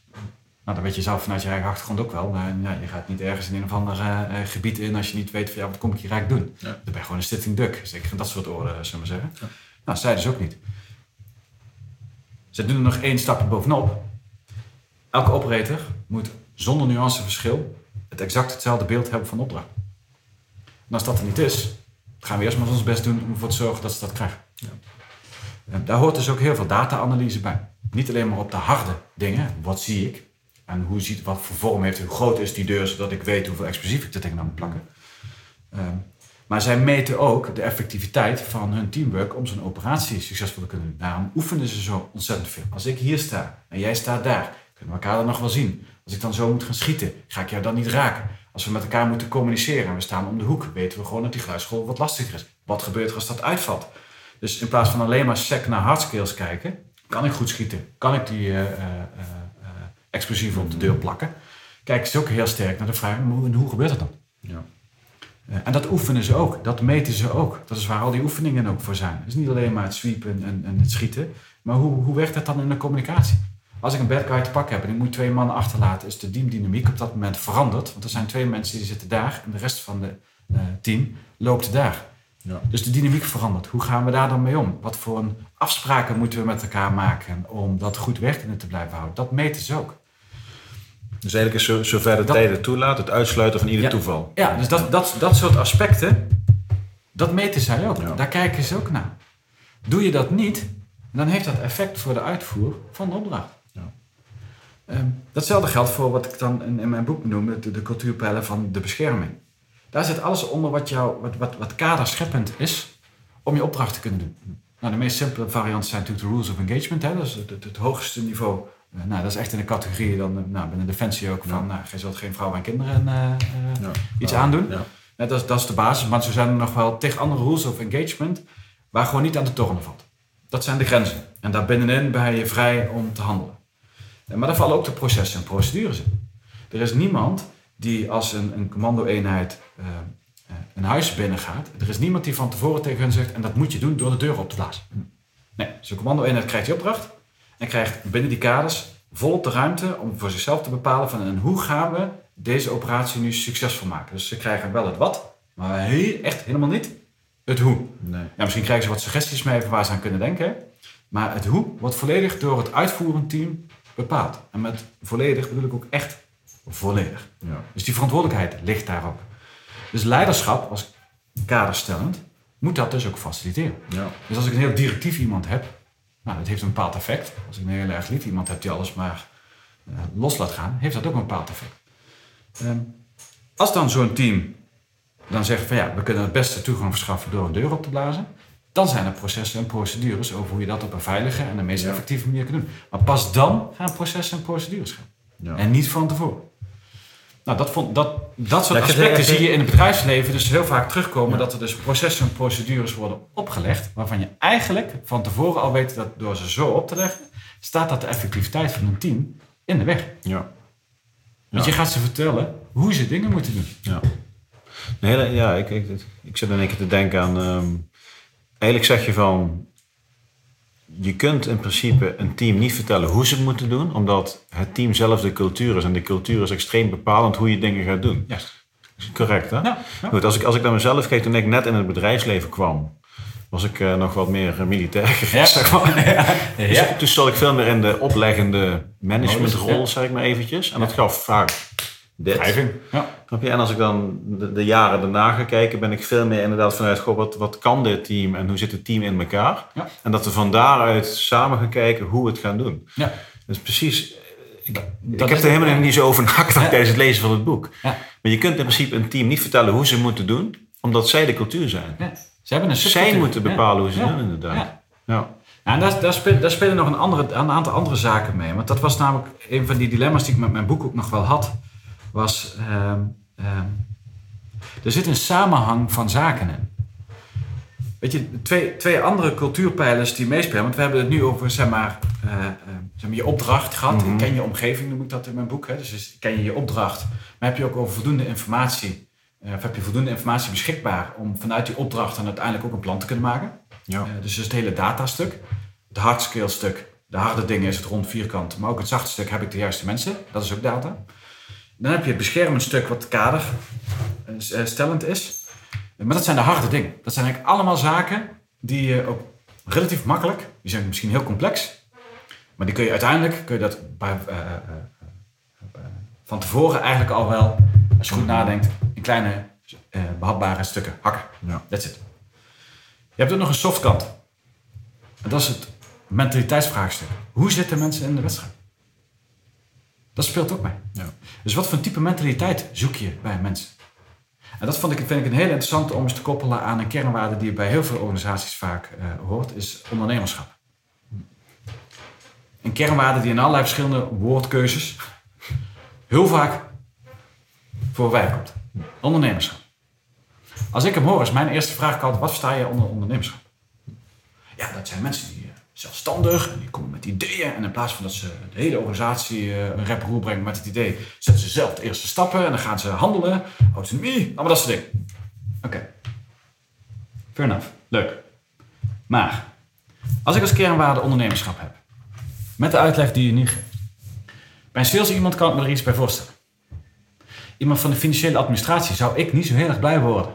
Als hij op die manier gaat handelen met het bedrijfsgeld. Zo van, oh, goed idee, kom, we gaan beleggen. Ja, ik Zou ik blij van worden. Dus, dus hoe zit iemand in een wedstrijd? Daar moet je ook over nadenken. Van wat, wat voor mentaliteit heb, zoek ik nou eigenlijk bij mijn mensen? En daarom zijn die kernwaarden dus wel zo belangrijk. En dus ook zo belangrijk om expliciet na te denken over wat voor een houding en gedrag eh, verwacht ik dan nu eigenlijk daarbij. Bij zo'n kernwaarde ondernemerschap verwacht ik voor een salesorganisatie waarschijnlijk een hele andere mentaliteit dan dat ik dat van de financiële administratie verwacht. Ja. En dan krijg je er ook nog eens, dat maakt het helemaal complex dan, de vraag van oké, is dan wat ik van sales verwacht en wat ik van financiën verwacht, als ik dat samen moet brengen, hoe dient dat dan mijn algehele cultuur van het bedrijf, zoals we graag naar buiten willen trekken? Ja. Dus dat mentaliteitsvraagstuk is een derde cultuurpijler. Maar dat is een zachte kant. Ja. De vierde pijler heeft alles te maken met vertrouwen. En dat vind ik een hele boeiende. Dat zul je waarschijnlijk in jouw eigen werk ook wel herkennen. We hebben met z'n allen onze mond vol over vertrouwen. Ja, we moeten elkaar vertrouwen. Mhm. Lencioni heeft het zelfs, eh, de- heeft zijn boekje geschreven, hè? De, de, de piramide, de vijf frustraties van, eh, van teamwork noemt Lencioni dat. De absolute basis van teamwork, en dat weten we allemaal ook, is vertrouwen. Vraag nu eens aan de eerstvolgende die zegt, ja, vertrouwen belangrijk. Mooi, leg eens uit wat vertrouwen is dan. En eh, hoe gaan we dat dan ontwikkelen? Ja. Ik durf acht, negen van de tien mensen kan daar geen antwoord op geven. Nee. En als ze antwoord op geven, is het allemaal het resultaat van het feit dat we vertrouwen hebben. Dat is ook heel. Maar is vertrouwen misschien ook iets wel wat, wat dat echt je gevoel gaat raken op het moment dat je ze moeten gaan uitspreken? Dat je echt wat meer voor jezelf zou moeten Ja. laten zien dat mensen het moeilijk vinden? Ja, maar dat is het, de, de, de, de, kijk, uiteindelijk vertrouwen is iets. eh, als je helemaal teruggaat naar de kern van vertrouwen, dan is vertrouwen niets anders. Durf jij je eh, afhankelijk op te stellen van de daden van een ander. Mhm. Dat is wat vertrouwen doet. En daarmee dus ook elke consequentie, zowel positief als negatief, Mhm. accepterend. Ja. Nou, defensie is de meest extreme variant daarvan natuurlijk, is, is leven en dood. Ehm, dat is waarom dat natuurlijk die broederschap ook zo, zo hoog kan zijn. Mhm. Maar dit is de essentie van vertrouwen. Durf jij je afhankelijk op te stellen van de daden van een ander?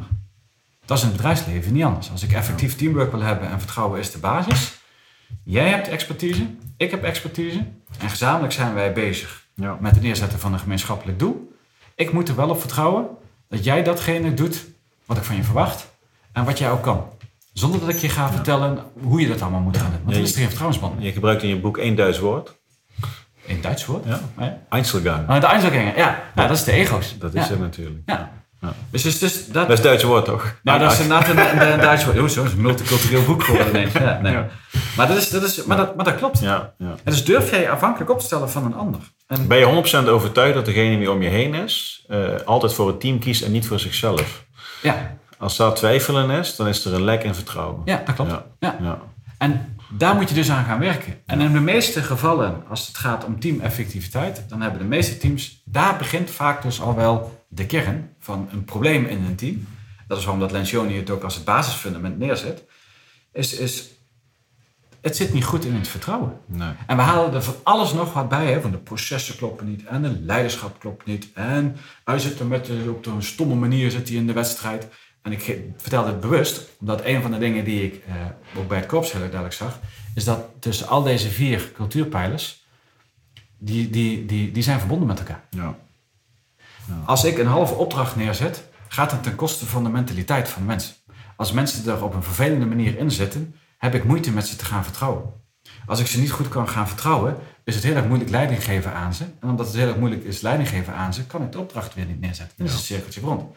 Als ik een halve opdracht neerzet, en vaak ook nog vanuit een hoger kader, dan denken de mensen van onderop die het moeten doen, denken van, joh, hoe heeft hij dit ooit kunnen verzinnen? De basis van een vertrouwenslek, zoals jij het zo mooi noemt. Als ik processen en procedures neerzet die mij niet ondersteunen in mijn werk, bijvoorbeeld een leider die eh, eigenlijk altijd zelf maar de oplossing geeft, Mhm. dan kun je niet zo anders dan verwachten dat mensen er met de mentaliteit gaan zitten van nou, we gaan eens even achteruit zetten en ik hoef niks te verzinnen, want de leider gaat het mij zo meteen wel vertellen wat ik moet doen. Dus elk dingetje heeft consequenties met Ja. elkaar. En dit is wat op dagbasis het zo donder lastig maakt om een cultuur neer te zetten die past bij de aard van de werkzaamheid. En dat is wat ik bij het KST dus heel erg sterk zag. Wat doen ze op dagbasis? Is dus constant op die vier cultuurpijlers focussen en zorgen dat die eh, in een zo optimaal als mogelijke samenhang worden ontwikkeld en aanwezig is. Ja. En dat creëert dan uiteindelijk cultuur waarin mensen zich prettig voelen, waarin ze zich empowered voelen, waarin ze het gevoel hebben van hé, hey, hier kan ik helemaal nou, mezelf zijn en de dingen doen die ik wil doen en op een manier en dat wordt gewaardeerd en allemaal dat soort aspecten. En dat zorgt uiteindelijk voor een cultuur die ervoor zorgt dat je ook datgene kan doen wat je wil doen. Ja. En dat was eigenlijk, want zo kom ik er ook op. Ik had Ja, een boekmanuscript, interessant. had ik helemaal, ehm, waarin dit stond. Ehm, en waar, nou, dat, dat, dat was laatste slag eroverheen. Hoe krijg ik deze kern nou gevat Mhm. Ehm, en toen bleef er nog één dilemma over. Was dat het nog steeds een theoretisch mooi verhaal was. Ja. En eh, dat moet je dan gaan laderen met eh, eh, voorbeelden. En wat ik pertinent niet wilde, was allemaal war stories te gaan opnemen van Mhm. operators. Omdat ik gewoon vond, dat zijn niet mijn verhalen om te vertellen. En dus ik wilde er ook om te beginnen niet om te gaan, gaan engelen. Overigens ook in de wetenschap, dat ze er niet heel veel over vertellen. Want nou, Ja. mag niet. Eh, maar ik vond het ook niet aan mij om dat soort verhalen te vertellen. En toen was uiteindelijk die kopierscommandant die letterlijk tegen mij zei... meneer Roderick, volgens mij, als wat je hier beschrijft in de kern... waar komt het uit voort? Uit al je observaties. Waarom beschrijf je als voorbeelden niet Als hoe jij eh, eh, zelf de zaken hebt ervaren? Hoe jij het gezien Hoe ik het heb gezien. Ja. Een kopie aan de theorie. En dus heb ik, eh, met uitzondering van het openingsverhaal... het openingsverhaal in het boek is, is, is een echt waar gebeurd eh, verhaal in Irak... Mhm. Ehm, nou, dat is eigenlijk het enige echte war story verhaal wat erin zit. Want ik wilde ook niet een boek, weet je, vooral de Amerikanen die dit soort type boeken schrijven, die zijn er uitermate succesvol in om een boek neer te zetten waarin de theorie ver te zoeken is, maar boordevol zit met allemaal mooie, prachtige war stories. Ja. Leuk om te lezen, maar verdomde lastig Ja. om te vertalen naar jouw eigen situatie. Want dat was natuurlijk ook wel een doelstelling die ik met het boek had. Ja. Dus van, ja, ik wil eigenlijk die wereld waarin we een voorbeeld hebben van hoe het ook echt kan. Mhm. En nou, ik zou net niet willen zeggen van hoe het zou moeten. Want in die end is natuurlijk het Korps Commandotroep ook gewoon een organisatie die ook op dagbasis ook te maken heeft met allemaal eh, eh, eh, nou, de, de standaard problemen van recruitment en Ja. motivatie en dat soort dingen die elk bedrijf heeft. Maar ze hebben wel een aantal zaken in place zitten die ze kunnen gebruiken als een heel expliciet referentiekader. Dat als het ergens misgaat, Mhm. dat ze er ook daadwerkelijk iets aan kunnen doen. En dat ze ook heel snel kunnen pinpointen van hé, hey, we zien hier iets gebeuren. Waar komt dat nou eigenlijk door? Ja. Ja. En dat is wat heel veel bedrijven eh, vaak wel weten, maar niet in place hebben, omdat ze het niet expliciet hebben benoemd. Ja. Dus ben ik uiteindelijk het boek gaan uitbreiden. En ben ik elk hoofdstuk gaan, eh, gaan eh, nou, op basis ook van de eigen ervaringen die ik in anderhalf jaar schrijfproces met deze mannen heb gehad. Ja, en daar is gewoon een boek uitgekomen die, nou, waar ik zelf ook wel heel trots op ben. Ja, snap ik. Ja. Snap ik. Nou, wat ik, ben aan het denken. Hey, even een stukje leiderschap, Roderick. Ehm, ehm, als jij binnen het bedrijfsleven kijkt en, en, en ook bij, binnen het KCT dan, waar, waar zit het verschil in leiderschap? En hoe kan dat? Nou Ik heb zelf een idee, maar ik... Ik, ik denk dat wat. ehm, eh, nou, dat, dat, dat, dat, begint, dat begint wel al bij de selectie eh, Mhm. aan de poort. Ja. Dus eh, eh, grosso modo gezien. ehm, als een operator uit de opleiding komt en die stroomt zo'n compagnie in, Mhm. dan heeft hij zich wel al bewezen. Ja. Dus men weet dus al, ook al kent hij die compagniescommandant niet, ook al kent hij zijn mede-operators niet, iedereen weet wel, het feit dat jij hier zit, geeft dus wel al aan dat je je al bewezen hebt. Je bent dus al uit het juiste hout gesneden. Dus de volgende stap die je moet maken, dat is overigens ook een onderdeel van het vertrouwensband creëren, is dus het feit van, ja, je hebt je bewezen. Dus ja, jij kan wat we van je gaan vragen. Nu moet je nog gaan passen binnen onze club. Andere dynamiek. Eh, maar in de basis ben je uit het juiste hout gesneden. Daar begint het dus al. Dus iedereen die daar zit, die is al uit het juiste hout gesneden. Daar is al geen twijfel over. Dus daar begint het al. Dat leiderschapsstuk, ja, ik, ik ben ook wel, wel steeds meer achtergekomen dat het, het stuk van de letterlijkheid van leven en dood, Mhm. Ehm, ja, dat is, een, dat is een makkelijk uit te spreken iets, maar dat is ook niet een te onderschatten element. Dat is ook ongeveer, denk ik ook ongeveer het enige echte hardcore grote verschil tussen het defensieapparaat en de civiele wereld, is de letterlijkheid van leven en dood. En uh, weet je, als jij letterlijk in een situatie terechtkomt waarin er serieus risico bestaat dat je er letsel aan overhoudt en misschien zelfs wel aan dood gaat, mhm. dat creëert ook een bepaald band. Want in de basis is dat niet iets wat je elkaar gunt en dan helemaal niet de mannen die je kent. Nee. Dus dat maakt het vanuit leiderschap uh, ook al wel, ja, ik zou niet willen zeggen makkelijker, maar het is natuurlijk wel een bepaalde basis waar je wel iets mee kan. Mhm. uh, als het gaat ook om met dingen met elkaar doen, want samen sta je sterk. Ja, ander leiderschap. Ja, het is, het, ja. Um, de, de rest van dat, wat, ja, weet je, het, het, KCT, het leiderschap wat ze daar laten zien, zijn, zijn, zijn, uh, zijn teamleider, mhm. die is faciliterend. En die zit daar niet om de rest van zijn uh, troepen te vertellen hoe ze naar werken en wat ze allemaal moeten gaan doen. Maar die zitten eigenlijk veel meer, enerzijds ook natuurlijk een beetje meepratend. Uh, want je wordt daar wel een, een, een, leider, omdat je je ook bewezen hebt dat je dat ook kan. Het is niet van, nou ja, dus ik ga manager worden, ik ga een cursusje volgen bij de baken of bij Schouten Nederlands of weet ik voor waar allemaal. Uh, en kijk mij, ik ben manager nu. Ja. Nee. zij komen ook wel vanuit de inhoud. daar zit overigens tegelijkertijd ook wel een, een, een valkuil. Hè? Dat, dat, leiden vanuit de inhoud is best wel lastig. Mm -hmm. Uh, vooral als je zelf de inhoud ook hebt gedaan. Dan zit er toch een filter overheen. Maar in de basis krijgen zij bij een officieropleiding ook echt de opleiding om dienend leiderschap te laten zien. En dat dienend moet zijn van je hebt daar een club mensen zitten die gezamenlijk hun, hun, hun, brain power gaan inzetten om een bepaalde uitdaging op te mhm. lossen. En jij als leider bent er in de basis verantwoordelijk voor om ervoor te zorgen dat zij dat kunnen gaan doen. Ja. KCT gaat ook gewoon naar de KMA, denk ik. Ja. Uh, ja. Oké, want op de KMS, voor de onderofficieren zat ik ook met jongens in de KCD. Ja. Dus de officieropleiding is in principe dezelfde. Schoonkamer, hè? Ja. ja. Dus er zit ook een eenheid in. En die eenheid, die, die, die, uh, ja, dat, dat, krijgt dan uiteindelijk krijgt het zijn, zijn vertaalslag. Zo iemand komt van de Kamer, ja. maar heeft daar in de klas gezeten ook met uh, andere officieren vanuit allerlei andere eenheden. Mm -hmm. Is natuurlijk bepaalde wisselwerking tussen, hartstikke leuk. Die basis neemt iedereen dus mee terug. Dus voor iedereen hetzelfde. Ja, dan krijg je de vertaalslagen op KCT-niveau. Wat betekent dat dan? En daar krijg je natuurlijk ook de vraag van wat maakt onze eenheden nou zo effectief? Nou, een van de eenheden, of een van de redenen is dat de mensen van de KCT, die moet je dus niet taakgericht gaan aansturen. Want het gemiddelde opleidingsniveau binnen KCT is ook gewoon heel hoog. Ja. Dus het zijn mensen die ook wel over een bepaalde brainpower eh, beschikken. Dus jij als leider moet ervoor zorgen dat je die brainpower aansteekt. Dat je dus een omgeving creëert waarin die mensen zich dusdanig prettig voelen dat ze ook met de meest bizarre ideeën komen. Want daar drijft een KCT op onconventioneel werken. Als ze alles maar conventioneel gaan doen, kan de vijand ook wel raden wat je gaat doen.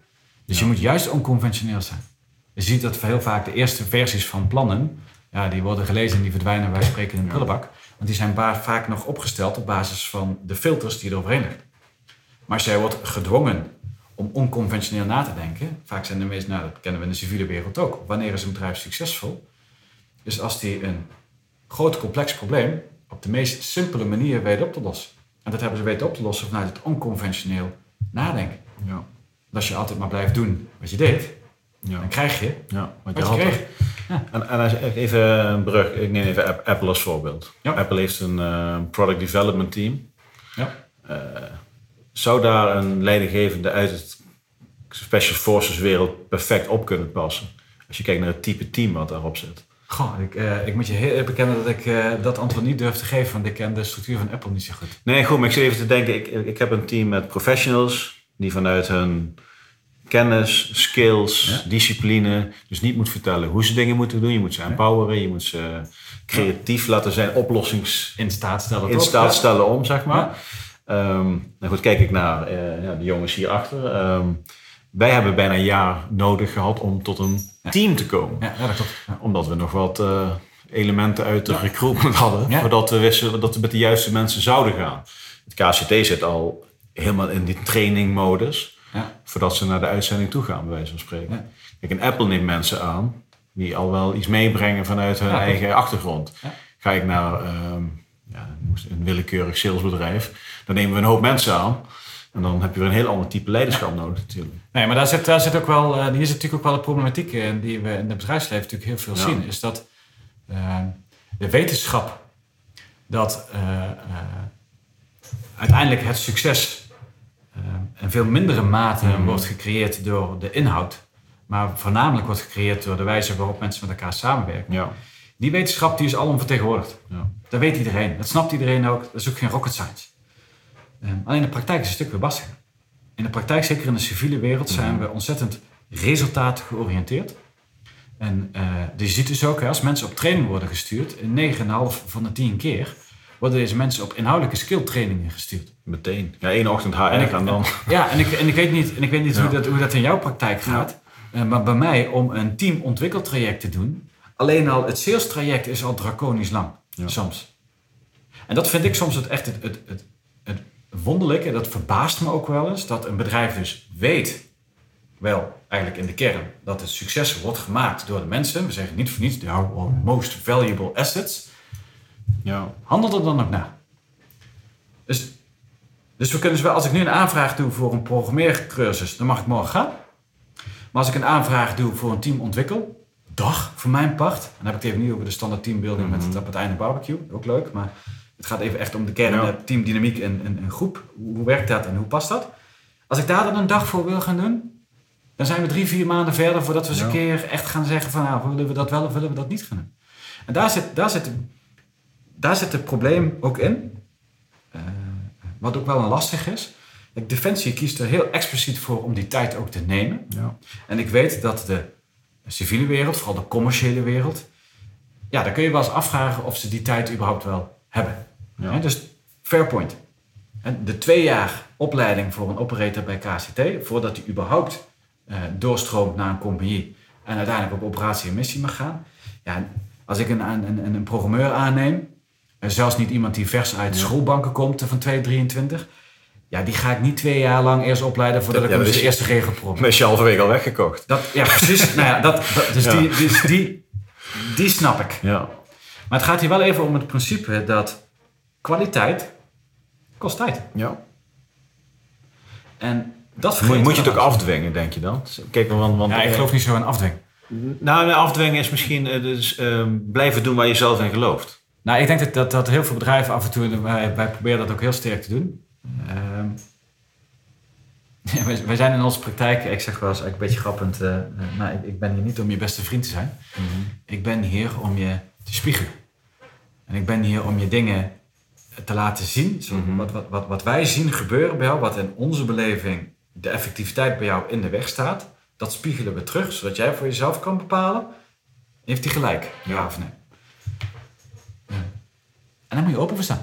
Daar moet je kwetsbaarheid Ja. voor durven laten zien. Iedereen. En dat is wel, dat is heel grappig. Het is eigenlijk wel grappig dat we op dat onderwerp komen. Ja, ik, ik weet niet of ik ze nou ga beledigen of niet. maar zo'n beetje elke operator Ja. die ik heb leren kennen bij het KCT, waarvan denk ik toch wel de buitenwereld toch een bepaald beeld bij heeft die een beetje past bij het idee van de cold steel killer, zullen we zeggen. Die problemen oplost met een stukje lood, bij wijze van. Ja. Dat beeld, hè. De Arnold Schwarzeneggers eh, die eh, no, schreeuwend en rammend gaan. Ik heb het merendeel van die mannen meer leren kennen als een knuffelbeer. Ja. Een hele lieve, weldoordachte mannen. Die in staat zijn om even een andere modus operandi in te zetten als het moet, hè? Ja. Maar wel als het moet. Ja. Niet eerder, als het moet. Maar in de kern gewoon hele lieve mannen zijn die eigenlijk heel kwetsbaar zijn. Ja. In de vele gesprekken die ik met ze heb gehad. Eh, ja, ik heb verhalen gehoord. Dat ik denk, ja, jeetje. Daar kunnen wij van mensen die het niet hebben meegemaakt. Nou ja, jij- kan dat wel. Zowel gelukkig als helaas, denk ik. Maar die hebben verhalen meegemaakt dat je denkt van ja, maar dat wil je bij spreken je ergste vijand nog niet aan doen. Daar gaat je niet in de koude kleren zitten. En die mannen die praten daar ook over. En echt, die laten ook wel eens een traantje en dat soort dingen malen. Daar zit ook dat vertrouwenstuk in. Dat vertrouwen moet er zijn, zodat je je ook kwetsbaar durft op te stellen. Ja. En, en volgens mij vertelde ik het ook voordat we eh, in het voorgesprek hadden we het ook even over zijn after-action eh, reviews. Ja. Ik ben bij een after-action review geweest. Dan moet je je dus voorstellen, inderdaad, ook voor de luisteraar. Hè, ze hebben een, een oefenronde gedaan. En dat was dan in een ziekenhuis waar ze een ziekenhuis moesten schoon eh, vegen, noemen ze dat Ja. dan. Hè. Dus, dus eigenlijk gewoon op zoek gaan naar de bad guy en die onschadelijk maken. Dat kan overigens door te doden zijn of door te... eh, Uit te schakelen. ja, gewoon uitschakelen betekent kan of doden zijn of Ja. gevangen nemen. Hè, als hij maar niet meer doet wat hij, eh, wat hij wilde doen. Ja. We gaan dus een oefenronde gaan ze in. En dan komen ze terug naar, nou, afhankelijk van hoe ze een oefenronde duurt, meestal een kwartiertje, 20 minuten. En dan vindt er een after-action review plaats. En dat vol erop, hè. Ja. En wij kennen in de civiele wereld ook de feedback eh, routines vanuit Scrum, Agile, weet ik hoe het allemaal heet. Ja. Nou joh, echt, het is totale kinderspel. Met wat ik daar niet één keer, maar eigenlijk continu zag. Dat gaat er hard op in een woordkeus die je kinderen niet wil leren. En ik vroeg me echt af, moet dat nou zo hard? Dus ik stelde die vraag ook. En die op een gegeven moment zei ik, ja, zegt hij, dat moet zo.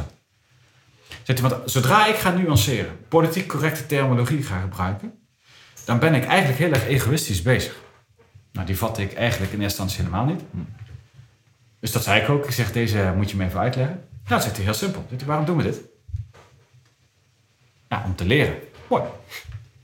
Als ik jou niet onomwonden vertel wat ik zie en hoe ik het ervaar, hoeveel ruimte geef ik jou dan om te leren? Zet in ons werk betekent het dat als ik er niks van leer en ik moet straks op operatie gaan en ik kom in contact met de vijand, kan dat heel vergaande gevolgen hebben. Zet dus onze after-action reviews zijn bewust ook zo hard, omdat wij niet genuanceerd je de waarheid willen vertellen, zodat jij de kans krijgt om in de volgende oefenronde daarmee aan de slag te gaan en daarvan te kunnen werken. Ja. Terug naar jouw vraag. Dit is wat leiderschap ook moet ehm, faciliteren, is dat die ruimte er is. Er is een Amerikaanse dame, Amy Edmondson, die heeft een heel boek geschreven over psychologische veiligheid. Dit is waar dat om draait. Als jij niet de veiligheid voelt om je zo kwetsbaar op te kunnen stellen, want die kwetsbaar opstellen betekent eigenlijk ook automatisch dat jij eigenlijk zegt: Ik wil geholpen worden, want ik wil iets leren. Ja. ja. Ik wil alles weten wat jij gezien hebt. En, ik, dat, is, dat, en dat vond ik ook zo wonderlijk bij deze man. Hè? En dat, dat, dat heb ik ook bij andere defensie-eenheden buiten KST ook wel gezien. Is dat die kwetsbaarheid. En prima dat dat na elkaar is. Dat is goed. En tuurlijk dat het af en toe wat moeilijker is als je er een buitenstaander bij zet om dan nu ook die openheid eh, te hebben. Nou, dat hebben we in de civiele wereld ook. Maar in de kern draait het wel even om de vraag: durf jij je kwetsbaar op te stellen? Durf jij je afhankelijk op te stellen van de daden van een ander? Ja. Ja. En dat is volgens mij wat een leider dus ook moet faciliteren. En waar dus dingen als de processen, de opdrachtduidelijkheid, de mentaliteit, eh, het leiderschapsniveau als het gaat om hiërarchie, de ruimte, de autonomie die je krijgt, de zelfverantwoordelijkheid, de vraag of je, als je een rotzooi hebt gecreëerd, moet je het er zelf opruimen. Ja. Want dat is grappig, hè? Wanneer voelen mensen zich empowered? Nou, een onderdeel daarvan is dat zij fouten mogen maken. Nou, in de civiele wereld hebben we de mond vol over, ja nee, we geven onze mensen alle ruimte en tuurlijk mogen ze fouten maken. Ja. mhm. Totdat het gebeurt. En dan zie je heel vaak dat iemand in een leidinggevende positie zegt, laat maar, ik doe het zelf wel. Ja.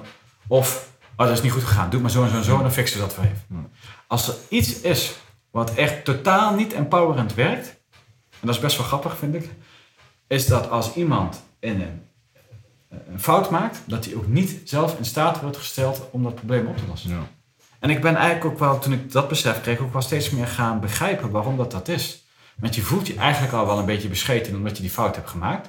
En als dan ook nog iemand anders voorbij komt die het voor jou gaat oplossen, of je gaat vertellen hoe je het moet oplossen, dan voel je je helemaal bescheten. Ja. Nou, weg empowerment. Ja. Weg het feit dat ik mij in staat gesteld voel om mijn werk te doen op de manier zoals ik dat Ja. vind, of wij dat vinden. Ja. En dan ga je in een after-action review of de eindevaluatie ook niet meer jezelf blootgeven, want dat is Nee. net verprutst. En, eh, Dus wij hebben in onze Ja. trainingen geven wij, besteden wij ook heel veel aandacht aan dat after-action review Ja. stuk. Juist om ervoor te zorgen dat eh, mensen moeten beseffen dat als de eh, eh, vertrouwensband onderling goed zit, ja. dan kan die best wel tegen een stootje. En dat betekent dat als jij eens een keer hard uithaalt naar iemand, eh, vanuit de intentie om iemand, en dus ook je team, en daarmee dus ook je missie en je opdrachten te helpen, Ja. dat dat niet betekent dat het een persoonlijke aanval is. Ook al is misschien de woordkeuze zodanig dat je dat interpreteert als een persoonlijke aanval. Eh, maar je moet dat soort feedbackrondes kunnen doen, omdat je anders niet groeit. Ja. En dat soort feedback moet je dus op alle fronten kunnen geven. Dus terug naar jouw vraag met leiderschap. Wat mij bij het KST heel erg opviel, was dat, ehm, zo, zo, in mijn boek omschrijf ik dat ook, dat uiteindelijk is daar een leider is een, ja, een decision-making unit. Ja. Die de rol van leider heeft. Even los van dat hij een rang heeft en dat soort dingen, maar maar hij heeft een rol van leider. En waarom noem ik dat expliciet een rol? Een leider is niet meer of minder dan een operator. En die is weer niet meer of minder dan iemand vanuit de logistiek ondersteunende dienst. Iedereen heeft in het totale spel een rol te vervullen. Het zijn allemaal radertjes. Die als dat top werkt, piept het niet, kraakt het niet, draait het gewoon allemaal lekker. Als één iemand zijn werk niet goed doet, heeft dat effect voor al het andere. Ja. Dat geldt voor de leider, maar dat geldt ook voor de dame die de koffie haalt tijdens de Ja. vergaderingen bij eh, van hey, hoe, eh, hoe gaan we het varkentje wassen? Ja. Die heeft een, naar verhouding, net zo belangrijk. En vanuit die invalshoek wordt daar dus ook gewerkt. Dus een leider, nou, die faciliteert. En eigenlijk gaat hij pas de hiërarchische leiderschapskaart spelen op het moment dat een team er gezamenlijk niet uitkomt. Ja. Of als er op een gegeven moment een links- of een rechtse keuze wordt gemaakt. En echt in de categorie either way. Ja. Maar ja, linksaf is die kant en rechtsaf is die kant. Ja. Dus ja, dat is toch wel... Dan gaat pas een leider daar de hiërarchische leiderschapskaart spelen. Ja. En tot die tijd is hij alleen maar dienend en faciliterend. Ja. En dus als iemand dus een fout maakt, en dat zie je dan in die oefenrondes ook. Nou, de, de, de, de after-action reviews zijn ook, zijn ook hele, eigenlijk hele simplistische processen zijn dat. Wat was het doel? Lees, wat was de learning in de volgende ronde en waar ging je dan op richten? Ja. Wat ging er goed? Wat ging er niet goed? Ja. En waar gaan we ons in de volgende ronde op focussen? Ja. En met name die laatste is heel interessant. In de civiele wereld stellen we die vraag ook nog wel eens. Maar dan gaan we twintig dingen tegelijkertijd willen doen. En daar pakken ze het één, maximaal twee in de volgende ronde. Dan gaan we zien wat van... Want een kleine aanpassing in... Nou al is het in hun geval in de houding van hun geweer. Of dat ze niet hier gaan staan, maar daar gaan staan. Kan er weer gevolgen hebben voor een hele hoop andere dingen. Dus in plaats van dat ik me op twintig dingen ga focussen... focus nou even op één of twee dingen. Ja. En zie wat het effect daarvan is. Zodat je in de volgende ronde weer kunt bekijken van... Hey, heeft dat het gewenste effect gehad? Of heeft het een positieve dan wel negatieve eh, bijeffect gehad? Ja, wat, wat, noemde jij in het begin ook weer met, met written in blood, of wat- was dat? Dat je zei carved in stone, written in blood, de cultuur. Ja, Of, dat noemde je zo? Ja, dit is de, de, de- nou ja, kijk, de, de, de- ik, moet, ik moet even denken wat ik, eh, wat ik daar inderdaad ook zei. Maar de, de essentie daarvan was ook dat zij zijn wars van de theoretische waarheid. Ja, dat, daar wil ik op in. Kijk, Ja. want, het is natuurlijk ehm, alles wat er binnen het KCT of Defensie, het is allemaal learned from practice. En doorgevoerd in de praktijk. Er is niks theoretisch wat erin gezet wordt. Nee, het is allemaal vanuit... Het is for, forced, maar dat was wat de opmerking maken. Forced in battle, ja, written ja. with blood. Het zijn natuurlijk honderden jaren van learnings die uiteindelijk gevormd zijn tot het nu is. Ja. En zijn die eenheden anders dan 100 jaar terug? Ja, want de afgelopen 100 jaar hebben ze weer dingen geleerd, geïmplementeerd. Sommige dingen weer afgeleerd. Kijk, en, eh, Nou, dat, dat, dat is eigenlijk de, wat ik het meest interessante vond. Is, eh, eh, is dat uiteindelijk als ik het terug naar de basis breng. Dan doet het KCT qua teamwork en leiderschap niets anders dan wat een ander bedrijf in de civiele wereld niet zou kunnen. nee. En op het niveau van de, de onderliggende principes Ja. zijn de principes daar niet anders dan de principes in de civiele wereld. Ja. ja, mooi. En eh, dat is eigenlijk ook de basisboodschap ook uiteindelijk van het boek. Geladeerd, dan, geladeerd vanuit eh, de ervaringen eh, met KCT. Is nou, eigenlijk de lezer duidelijk maken dat die principes niet verschillen. Nee. En wat ik al eerder in het gesprek ook al zei, er is maar één hardcore groot verschil tussen het defensieapparaat en de rest van de wereld. Ja. En dat is de letterlijkheid van leven en dood. Maar ook daarin is het in principe zit er weinig verschil in. Ja.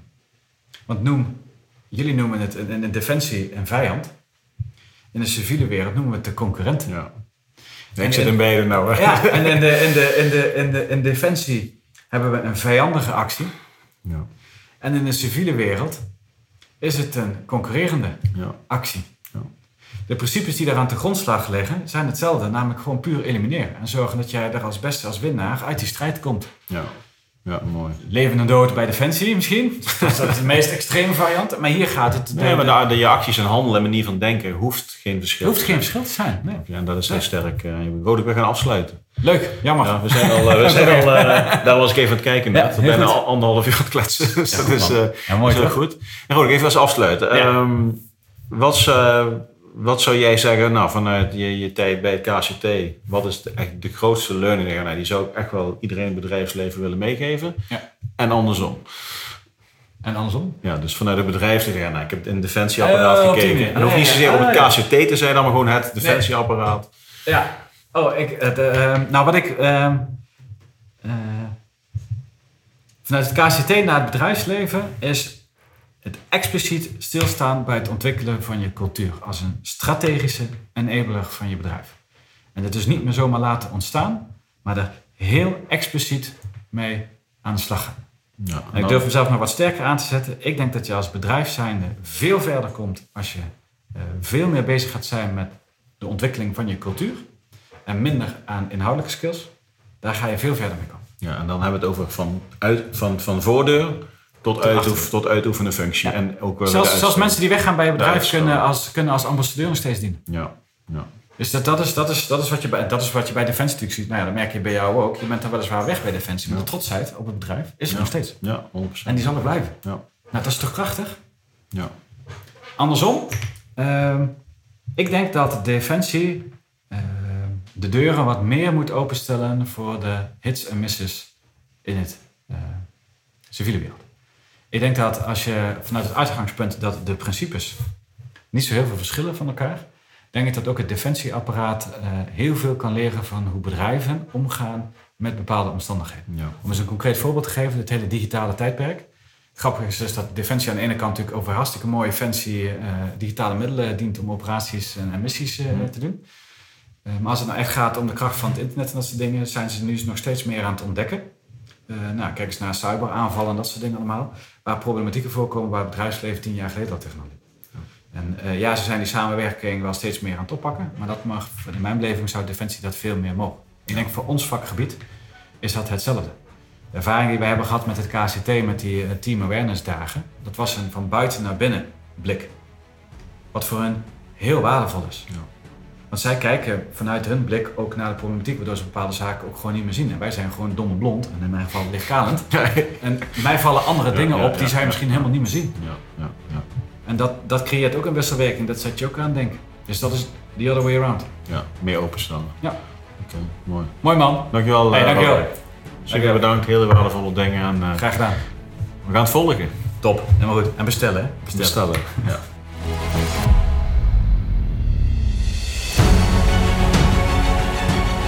En dan is het gesprek met Roderick alweer ten einde. En wat leuk en wat interessant om te luisteren en te spreken met iemand die geen militaire ervaring heeft, maar er wel heel dicht op heeft gezeten. En dan zijn inzichten en zijn visie van leiderschap en teamvorming eh, deelt. Heel interessant. Ik wil jou graag bedanken. Ik wil Roderick bedanken. Wil je meer weten wat Roderick allemaal doet? Ga dan naar www.teamforge.nl. Deze link is ook te vinden op mijn website www.sixstarleadership.com. Wil je meer weten wat Six Star Leadership allemaal doet? Ga dan naar sixstarleadership.com. Nou, blijf ons volgen op de diverse kanalen. We zijn uiteraard op iTunes, Podbean, Spotify en YouTube te vinden. Eh, echter zijn we ook op Facebook actief, op LinkedIn actief. Dus ben je nog niet geabonneerd? Doe dat gerust, dan mis je geen ene uitzending meer. En dan kunnen wij met elkaar in contact blijven. Ik vond het weer erg leuk om te doen. Roderick vond het leuk. En ik hoop dat jij het ook weer een leuke uitzending hebt gevonden waar je persoonlijk wat aan hebt. Waardoor je zelf ook weer aan het nadenken wordt gezet. We sluiten af met een quote van Roderick zelf en dat is de volgende. Geloof in de kracht van het individu. Vertrouw op de kracht van het team. Patrick hier. Einde bericht.